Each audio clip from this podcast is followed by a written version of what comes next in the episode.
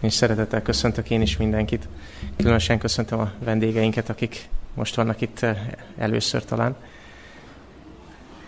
És szeretném, hogyha megnyitnánk együtt Isten igéjét az apostolok, az apostolok cselekedeteiről írt könyvnél. Tehát apostolok cselekedeteiből szeretnék idézni.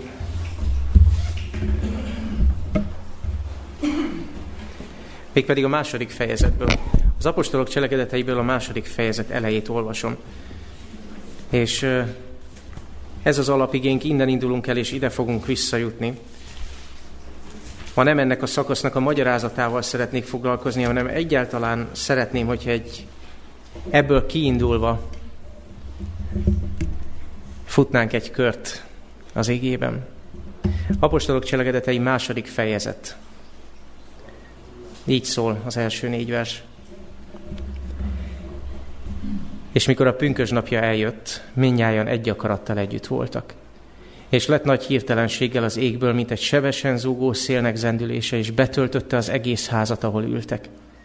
És megjelentek előttük kettős tüzes nyelvek, és ült mindegyikre azok közül. És megteltek minnyáján szent lélekkel, és kezdtek szólni más nyelveken, amint a lélek adta nekik szólniuk. Szerintem nagyon buta kérdés lenne, hogyha azt kérdezném, hogy van-e, aki ezt még nem olvasta soha, vagy nem hallotta soha. Azt hiszem, hogy a Biblia, és különösen az Új Szövetség egyik leghíresebb történetéről van szó, ugye? Az a bizonyos pünkösdi alkalom, amikor beteljesedett Jézus ígérete, az az ígéret, hogy el fogja küldeni a Szent Lelket, miután visszatér a mennybe. És miután elküldte a Szent Lelket, ennek mi, mi volt a következménye? Nézzétek, betölti az egész házat, kettős tüzes nyelvek jelennek meg felettük. Mire volt jó ez az egész, hogy tüzes nyelvek, és mindegyik különböző nyelveken szólt? Mire volt ez jó? Speciális módon kezdtek imádkozni? Mire volt jó, hogy a Szentlélek nyelveket adott nekik? Ez nem, nem költői kérdés, nyugodtan lehet válaszolni. Ott az nagyon egyszerű és nagyon frappáns válasz, hogy mindenki megértse. E, emlékezzetek vissza, hogy Jézus mielőtt visszament a mennybe, azt mondta, hogy az Isten országának, evangéliumának hirdetnie kell minden nép, nemzet és nyelvnek. Jelenések könyvében azt olvassuk, hogy minden nép, nemzet és nyelv meghallja az örökkévaló evangéliumot. Jézus üzenete mindig is nemzetközi üzenet volt. És pünköstkor mi a jellegzetessége Jeruzsálemnek? Hogy megtelt mindenféle népből, nemzetből és nyelvből való emberekkel. Pünköskor a tanítványok nem fura nyelveken kezdtek imádkozni maguk, maguk építésére, hanem elkezdtek úgy prédikálni, elkezdték úgy hirdetni az evangéliumot, a bűnök bocsánatát, az örömhírt.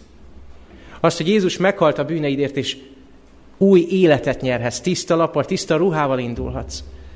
Hogy mindenki, akár pártus, méd, vagy, vagy bárhonnan való, vagy görög, vagy arab, mindenki értette. Mindenki. Ugye itt aztán fel is sorolják, hogy mi módon halljuk őket kiki a saját nyelvén, pártusok, médek, elámíták, akik lakozunk Mezopotámián, Judeában, Kapadóciában, Pontusban, Ázsiában, Frigé. Egy hosszú felsorolás. A tömeg azt érezte, hogy te, te honnan jöttél, Kis-Ázsia? Alig értjük egymást. De érted? Érted? Ugye mindenki értette, hogy Péter miről beszél, mindenki értette, hogy Jakab, János és a többiek miről beszélnek. A kérdésem az, hogy szeretnénk-e átélni egy ilyen tapasztalatot? Ez nagyon költői kérdés volt. Nagyon remélem, hogy mindannyian szeretnénk átélni azt a tapasztalatot, hogy amikor az evangéliumról beszélek, nem csak szószékről, egy barátommal, vagy bárkivel, akkor az átmegy, az hat. Azt olvasom a történet végéhez, hogy aznap három ezren keresztelkedtek. Aznap. Ez egy nap volt. Ez volt az első nap. És utána ezrével keresztelkedtek tovább. Terjedt az evangélium. Miért? Mert az emberek vágytak az örömhírre. Vágytak arra az örömhírre, hogy az Isten a szeretet. És úgy szerette a világot, hogy elküldte az ő egyszülött fiát. A másik kérdésem, mi vezetette ez a pünkösdi tapasztalathoz? És az, az igazság, hogy amire ma építem a, a közös gondolkodásunkat, azt én már innen szószékről elmondtam, de csak érintőlegesen. Majd kicsit többet szeretnék erről beszélni. Mi vezetett oda, hogy az Úr ilyen csodát tehetett? És ennyien térnek meg, és az egyház robban és beindul. Mi volt az előfeltétel? Hogy kezdtük az ige szakaszt? Hogy kezdődött az ige szakasz? Pünköstkor, amikor eljött pünkös napja, minnyájon, egy akarattal, együtt voltak. Figyeljétek a három kifejezés. Minnyájan, egy akarat, együtt. Mi volt a feltétele annak, hogy Isten az, egyházal, az egyházat beindítsa? Az? Egység. Az egység. De várjunk, kik vannak ott a felházban? Azt olvassuk, hogy mintegy 120 Az apostolok közül kik vannak ott? Ugye 12 mínusz 1. Ugye? Júdáson kívül mindenki ott van. Most ha Júdáson kívül mindenki ott van, akkor az azt jelenti, hogy ott van Péter. Ugye, aki a legnagyobb az összes tanítvány közül. Ugye? Ott van Jakab és János, akik majd a jobb és bal oldalon ülnek. Ugye? És ott van az összes többi erősen önhit, magát a többieknél különnek tartó, mind a tizenegy, aki nem hajlandó lehajolni, hogy megmossa a tanítványtársainak a koszos lábát, és ezt a mester hajol le és mossa meg. Olyan szemléletes tanítást ad az egységről és egymás elfogadásáról, hogy már, már kínos a tanítványoknak. Hogy lehet, hogy ezek az emberek egy akarattal együtt vannak? Mi történik tíz napon át a felházban? Testvéreim, tíz napon át a felházban nem hangos keresztény zene és dicsőítés szólt,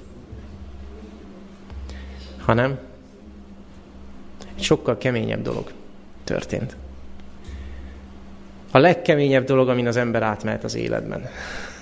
Tudjátok mi? Állítom, hogy a Ráckevei gyülekezet minden egyes tagjának ez a legkeményebb dolog az életben. És tudom, hogy nagyon nehezünkre esik mindannyiunknak bocsánatot kérni. Testvéreim, nézzetek a szívetekbe, én is nézek a sajátomba.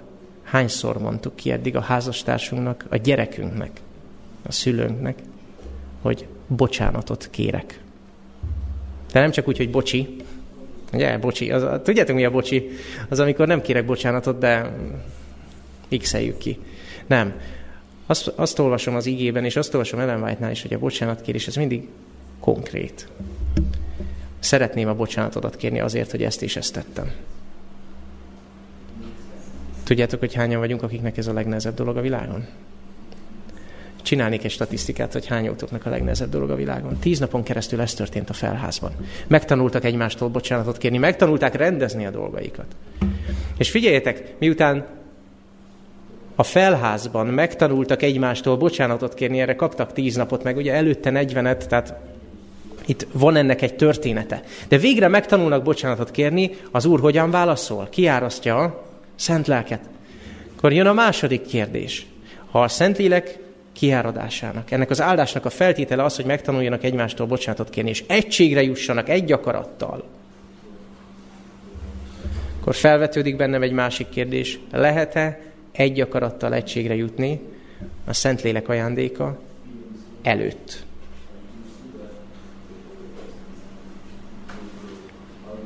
Mit mond erről az ige nekünk?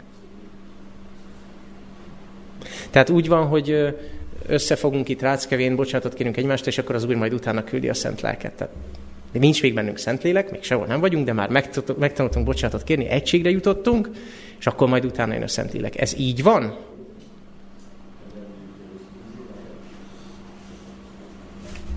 Lehet Szentlélek nélkül egynek lenni?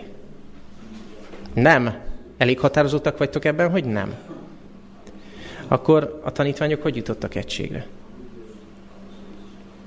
Szerencsére az ige válaszol. Kérlek, vegyétek elő a Bibliát, és lapozzatok velem János Evangélium a 20. fejezetéhez.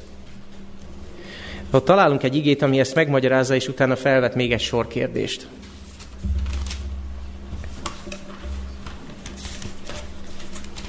János Evangélium a 20. fejezetében azt olvasom, hogy Jézus már feltámadt, megjelent Mária Magdalénának, megjelenik a tanítványoknak, és nyolcad napra végre megjelenik Tamásnak is, aki eddig nem hitt el semmit. Igaz, hogy már mindenki bizonságot tett neki, de Tamás két lábbal a földön köti az ebet a karóhoz.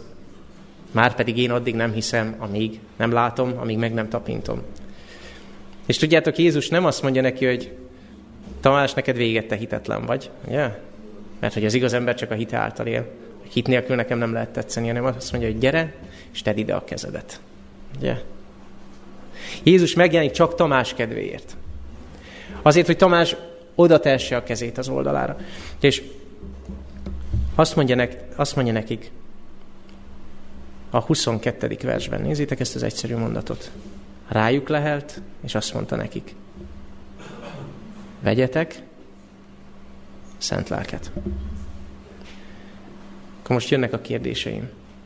Tudjátok, ha az igét kutatjuk, mindig kérdezünk, ugye? Ez nem a pünkösd? Azt mondja, vesztek erőt, miután a Szentlélek eljön rátok. Nem ez volt pünkösd? Rájuk le Jézus, miért nem jelennek meg kettős tüzes nyelvek? Vagy, hogyha ez nem pünkösd, és az Úr itt adott nekik szent lelket, akkor miért kell pünkösdig várni? Nem lett volna egyszerűbb egy lépésben elrendezni ezt az egészet? Attól tartok, hogy ennek a történetnek az a tanulsága, hogy addig nem nyered el a szent lelket, amíg nem nyerted el a szent lelket. És ez lehet, hogy rekurzívan hangzik. Egy ilyen önmagával fejezem ki a dolgot. Te nézzétek, Jézus betölti a házat, és mindenkin megjelenik a kettős tüzes nyelv. Ezt olvasom itt? Nem. Mit olvasok? Azt, hogy rájuk lehel. Egy néhány nappal később, igazából 50-8, 42 nappal később viszont azt olvasom, hogy beteli az egész házat, az egész hely megmozdul, mindenki felett tüzes nyelvek jelennek meg, és beterítik a, az egész Jeruzsálemet, ugye? Mi a különbség a kettő között, és miért van ez a két lépés? Nézzétek csak, a tanítványok nem juthattak volna egységre, hogyha az Úr nem előlegez meg valamit, egy leheletet. Jézus életet című könyvben azt olvasom, hogy egy első cseppet kaptak. Az áldás első cseppjét. És utána kapták az áldás teljességét. Jézus rájuk lehel, azzal, azzal a lehellettel, tudjátok, ez egy jelkép, de azt jelképezi, hogy az ő lehellete benned van, új életet ad neked. És ezzel az új élettel, ezzel az új erővel képes leszel a világ legmegpróbálóbb dolgát elviselni, azt, hogy azt mondod a fele barátodnak, a testvérednek, a házastársadnak, a barátaidnak, hogy bocsánat. Bocsánatot kérek. Ez az erő kellett hozzá. És miután képesek voltak ezt kimondani, és minnyáján egy akarattal együtt voltak, ugye, mint egy sebesen, zé, sebesen zúgó szélnek zúgása betöltötte az egész házat, és elnyerték a szent lelket minnyáján.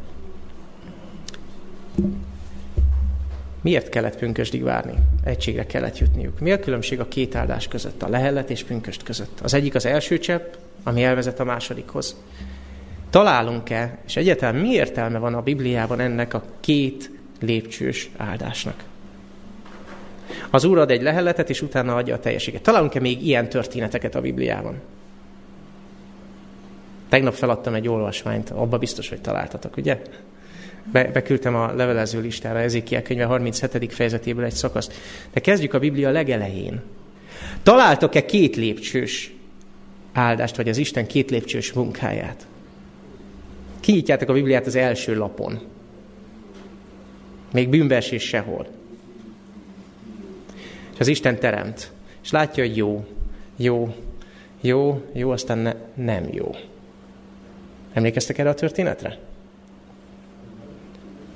Mi, mi értelme van annak, hogy az Isten nem megteremti Ádámot és Évát, hanem megteremti Ádámot, Ádám szétnéz, látja, hogy valami nem stimmel, Isten megerősíti, azt mondja, látod Ádám, nem jó az embernek egyedül lenni, majd én szerzek segítőt.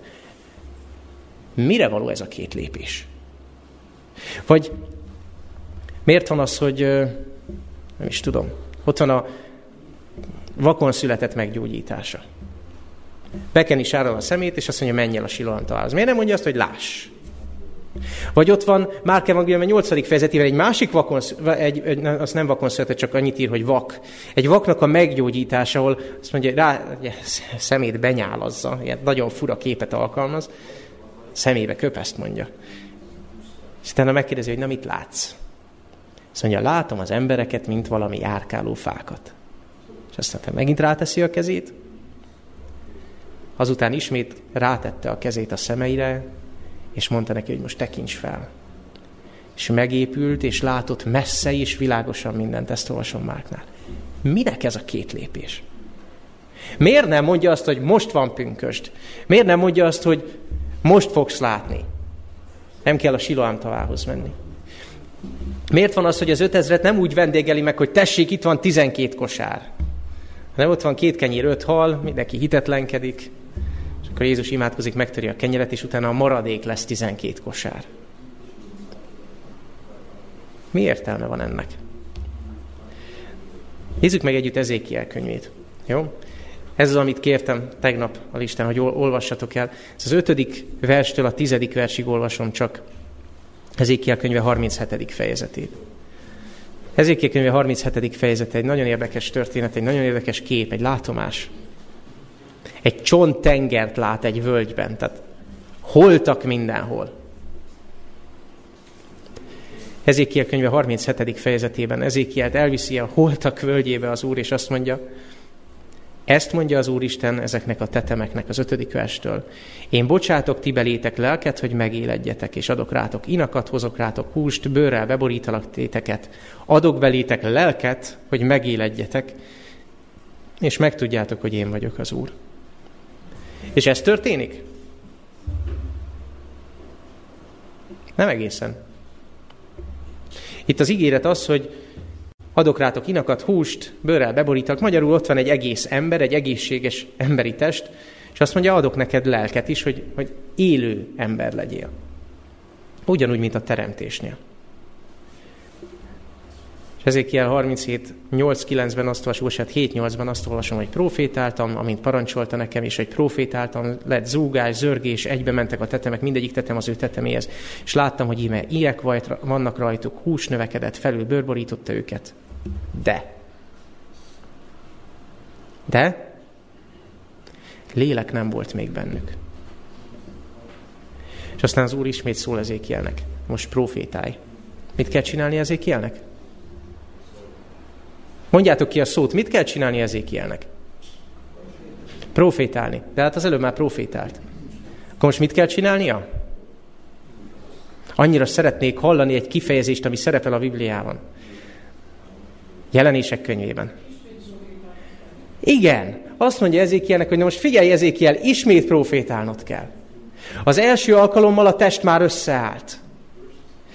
De azt mondja embernek fia, profétálja léleknek, és profé, profétálj embernek fia, és mondd a léleknek, ismét profétálj. Azt mondja az Úristen, négy szelek felől jöjj elő lélek, lehelj a megölöttekbe. És ekkor tényleg élő embereket látunk. Ez egy jelkép, ez egy látomás. De két lépésben történik valami nagyon furcsa módon. Miért van a Bibliában ennyi két lépés? Miért van az a Bibliában, hogy Illés meglátja a kis tenyérnyi felhőt, le kell szaladni a akhábhoz, és azt mondja neki, hogy most siess, mert hatalmas eső jön, és utána jön a hatalmas eső. Miért nem azonnal? Miért kell egyébként Illésnek hétszer könyörögni? És most erre szeretném, hogyha válaszolnánk.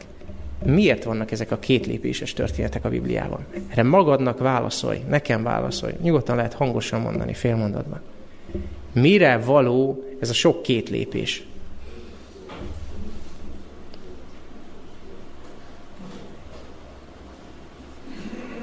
Jó, ki az, aki már, ki az, akinek van gyermeke? Ki az, aki már elkezdte valaha életében a hozzátáplálást? Először szopizik a gyerek, és akkor utána elkezdjük hozzátáplálni. Hogy szoktuk kezdeni anyukák meg apukák a hozzátáplálást? És fogod a pépet, kanállal közelítesz, nye? kinyitja a száját, és ugye először nem beveszik a kanalat, tudjátok, nem szopiznak a kanállal, ugye? Úgy szokták. És mi szokott történni az első kanál után, anyukák? Ja, ahogy bement, azzal lendületem mm, nyomja ki. Ugye? És Körülbelül, amikor elkezded a hozzátáplást, akkor tudod megállapítani, hogy na, a gyerek szeretni fogja az almát, vagy nem. Szeretni fogja a banánt, vagy nem. Ugye? Nálunk a banánnal volt az a tapasztalat, hogy tudod, míg az almát először kigyomta a gyerek, addig a banánt azt elkezdte enni, mint a, mint a gép.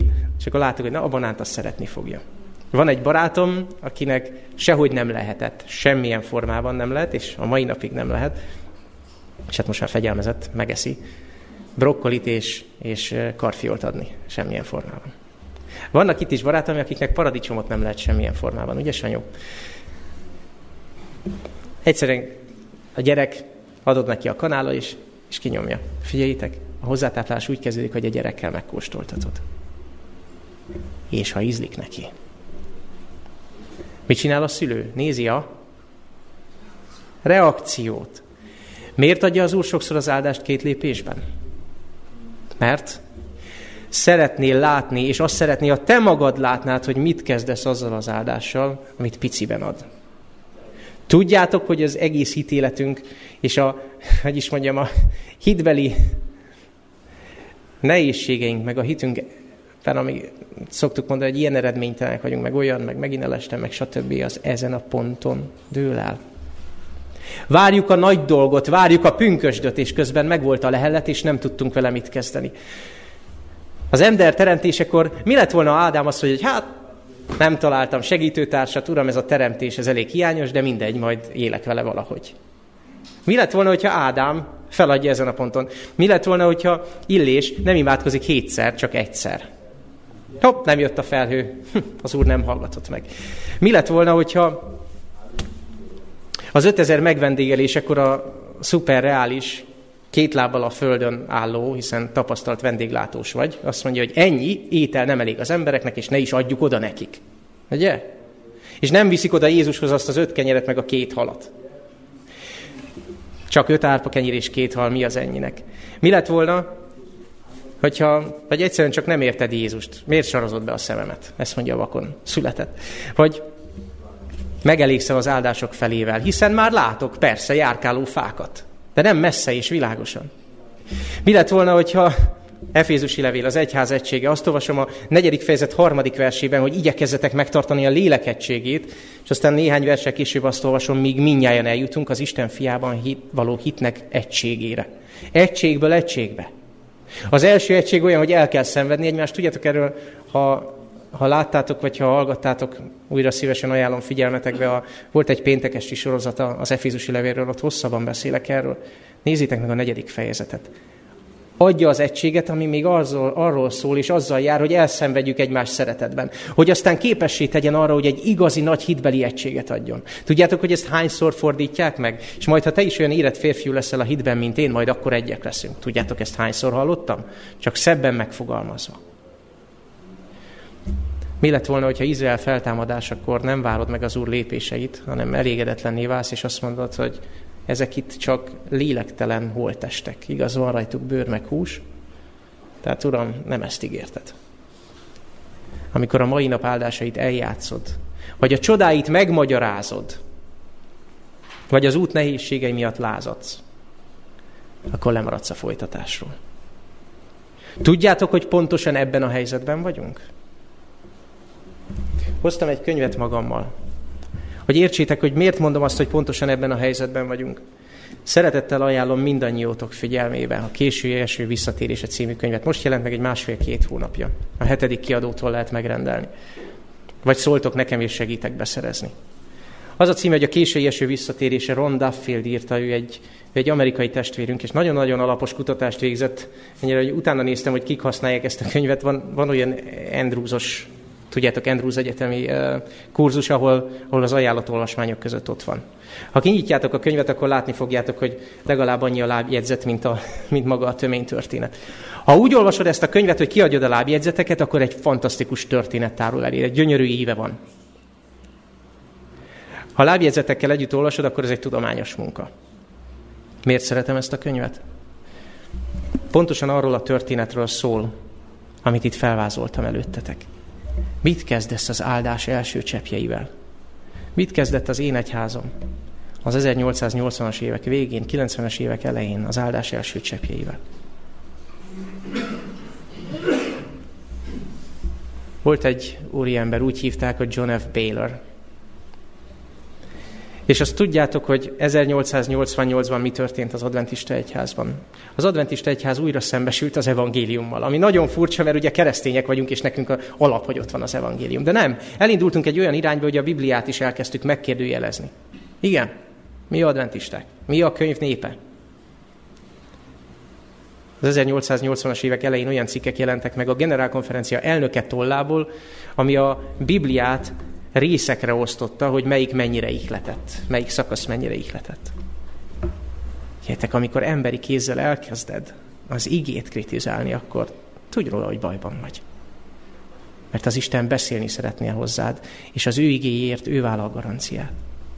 És volt egy John F. Baylor nevű úriember, aki azt mondta, hogy ha eljön a késő eső, akkor én meggyógyulok. Tudni, volt neki egy betegsége. Mind a két szemét egy vírus megtámadta. Mind a két szemét megtámadta valamilyen vírusos, vagy nem is tudom, lehet, hogy bakteriás fertőzés, de az anyag, hogy eltávolították mind a két szemgolyát még tinédzser korában. Képzeljétek el, hogy milyen lehetett ennek a fiatalnak az élete. Tehát a hardware nem volt meg, értitek? Eltávolították a, a szemgolyóit.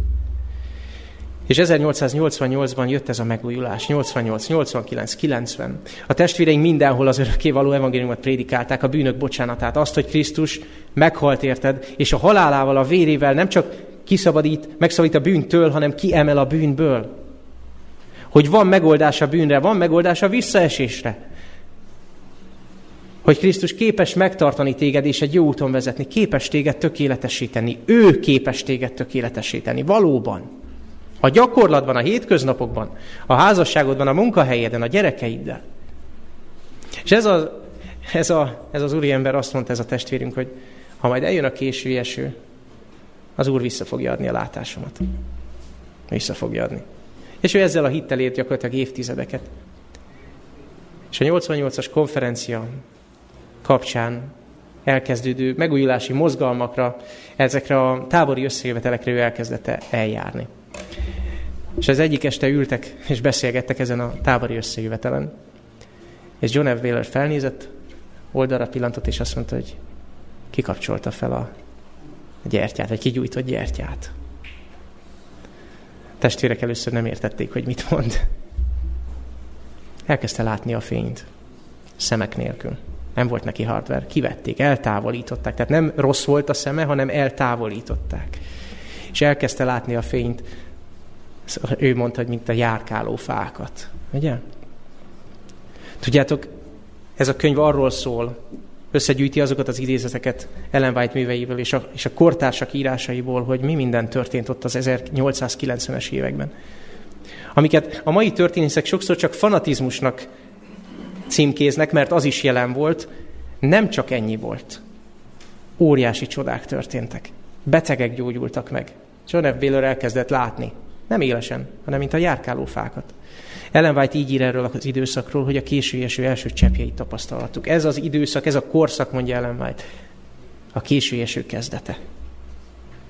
Nem egyszer megtörtént, hogy valaki lebetegszik, imádkoznak érte, és fel kell. Meggyógyul. Tudjátok, ki volt az első egyébként? Maga Ellen White egy két évvel korábban, vagy egy néhány évvel korábban. Nem tudom, mennyivel korábban, 88 előtt. 81-ben meghalt a férje, és utána ő maga, hát tudjátok, egy, milyen lehetett egy özvegynek ott maradni egyedül. Amúgy is beteges volt. És úgy lebetegedett, hogy már a halált várta. És elvitték Hillsbergbe egy tábori összejövetelre. És szinte ágyon kellett betolni, és egyszer azt mondja annak, aki, aki odavitte, hogy szeretnék egy pár szót szólni. És azon a tábori összejövetelen egy szombati alkalom volt, jelen volt a, tehát nem csak a gyülekezet, hanem a városból rengetegen. És Ellen white oda támogatták a szószékhez, letámasztották. Halálsápadtan ott áll, kapaszkodik a szószékbe. És felemeli a szemét, és elkezd beszélni, az arca kipirosodik, kihúzza magát. És az, a, a hallgatók közül felkiáltanak, hogy mi történik, csodát látunk, hogy meggyógyult a szemük láttára. És határozott hangon, nem egy beteg ember hangján, határozott hangon elkezdett prédikálni. Mit? Az örökkévaló evangéliumot. Nem elméleteket. Azt, hogy Krisztus képes meggyógyítani. De tudod, amikor valaki úgy mondja, hogy Krisztus képes meggyógyítani, hogy ott a szemed láttára meggyógyul, akkor azt hiszem, hogy hiszel. Ugye? John F. Baylor vakon halt meg. Ez a történetnek a szomorú oldala. Az Úr az 1890-es években elkezdett valamit. Jézus jött és rálehelt az egyházra. És az volt a kérdése, hogy mit kezdesz most ezzel az áldással. A csontokat belepte a hús, és a húst a bőr. Kezdett összeállni a kép. És már csak egy dolog hiányzott, hogy azok a holtestek, amik ott vannak, azok megteljenek élettel. Az Isten nem adja az áldást csak úgy egyben. Ad valamennyit, és utána azt kérdezi, Értékeled? Élsz vele? Vagy megmagyarázod? Figyelmen kívül hagyod? Jönnek a madarak és elkapkodják. Testvéreim, mi a titka annak, hogy nem történnek óriási csodák köztünk? Hogy mondja Jézus ezt a nagyon egyszerű szabályt? Aki a kevesen hű, a sokkon is hű, az van a magyar közmondás, hogy aki a kicsit nem becsüli. Ugyanaz a Bibliából van. Azt mondja nekünk Jakab levele 5. fejezet 7. verse. Legyetek azért, atyám fiai, béketűrők az Úr eljöveteléig. A szántövető várja a föld drága gyümölcsét, béketűréssel várja, míg reggeli és esti, szó szerint korai és késői esőt kap.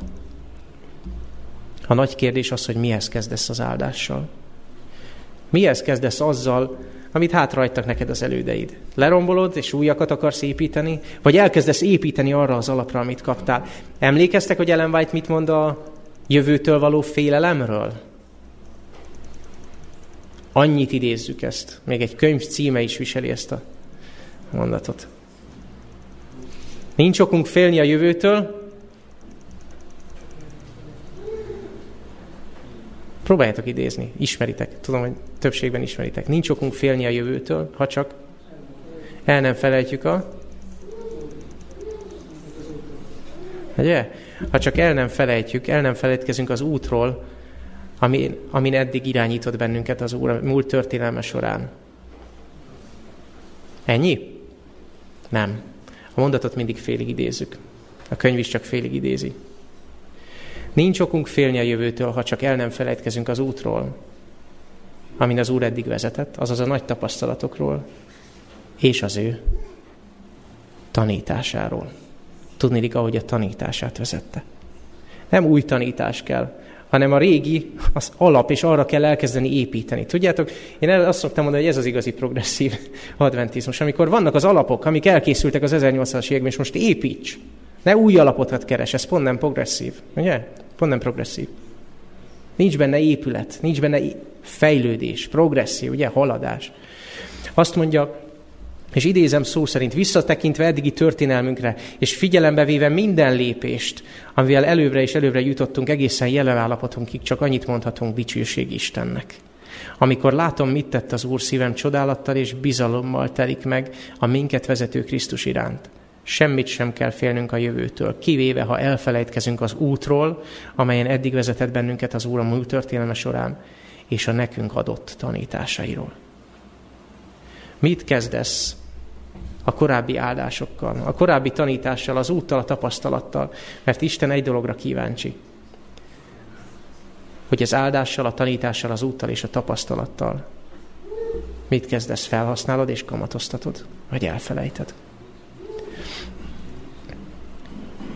Azt a címet adtam a mai ige hirdetésnek, és ezzel szeretném lezárni, hogy az út a felházig. Az apostolok cselekedeteiben el tudjuk olvasni az utat a felházig, és a felháztól vezető utat. A mi jelen állapotunk inkább a felházig vezető út, mi már nem a felházból jövünk, mi arra felé tartunk.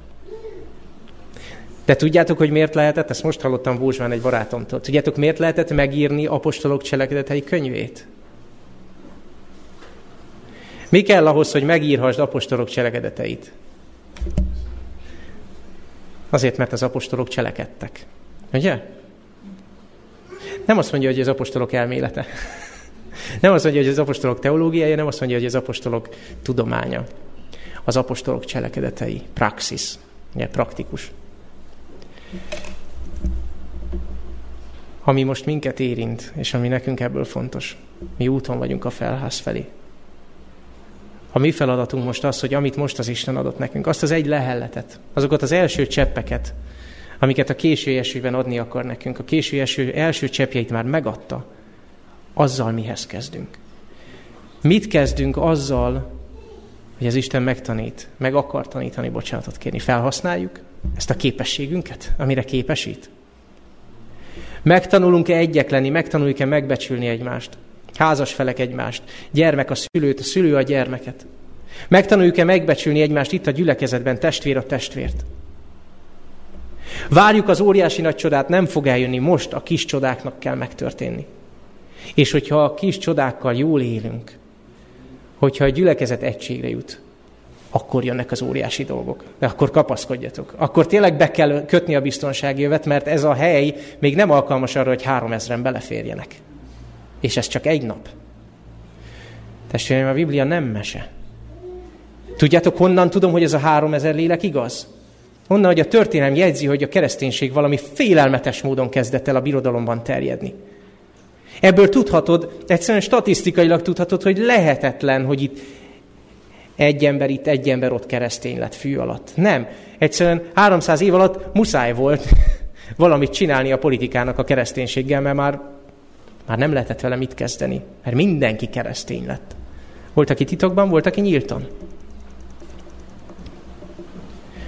Mi útban vagyunk a felház felé, hajlandóak vagyunk-e arra, hogy elinduljunk ezen az úton. Hogy erőteljesebb lépéseket tegyünk ezen az úton. Testvéreim, ez a felhívásom hozzátok. Add át a szívedet, és hagyd, hogy Jézus elvégezze azt, amit szeretne. Óriási dolgok fognak történni. Az óriási dolgok már elkezdődtek, csak el kell kezdenünk értékelni, és nem racionális magyarázatot keresni rá. Jézus szeretne a saját lelkében részesíteni téged. Kész vagy-e befogadni azt? Én kívánom, hogy légy kész, én kívánom, hogy légy hajlandó. Ámen. Menjen jó atyánk! Köszönjük, hogy ezen a néven szólíthatunk téged, hogy te Jézus Krisztusban a mi édesapánká, a mi atyánká lettél, hogy a mennyei családtagjai lehetünk, és, és azt az ígéretet kaptuk tőled, hogy részesítesz minket a te szent lelkedben. Azaz betöltesz a te lelkeddel, megértjük a te gondolataidat, megtisztítod a mi szíveinket, megláttatod velünk a valós állapotunkat, és egyben meg is vigasztalsz. Köszönjük, hogy végignézted értünk a te egyszülött fiat halálát, azért, hogy ne kelljen végignézned a mi halálunkat. Hogy fontosabbak, voltak neked, ne, fontosabbak voltunk neked annál, mint sem, hogy megkíméld magadat ettől a fájdalomtól. Atyánk, nem tudjuk felfogni a te szeretetedet, de szeretnénk azt nap, mint nap megízlelni. És ez a szívünk vágya, atyánk, bárcsak akikkel kapcsolatba kerülünk, mind-mind megízlelhetnék ezt a szeretetet. Erre egyedül a te lelket képes, atyánk. Kérünk téged, hogy küld el azt a bizonyos késői esőt, azaz a te lelket kiáradását. Hozd el az egyház feltámadását egyéni életünkben, személyes életünkben, közösségileg is. Taníts meg, atyánk, bocsánatot kérni és megbocsájtani. Elengedni a a szüleink, a gyermekeink, a házastársunk, a munkatársunk, vagy épp a gyülekezeti testvéreink bűneit. Elengedni azt a száz dénárt. Kérünk téged, atyánk, hogy hadd, hogy részesülhessünk azokban a tapasztalatokban, amiket az ige lapjain olvasunk, hiszen te megígérted azt. És a művet, amit elkezdtél, fejezd be, vidd véghez. Szeretnénk értékelni az áldás minden cseppjét. Fiad Jézus nevében. Amen.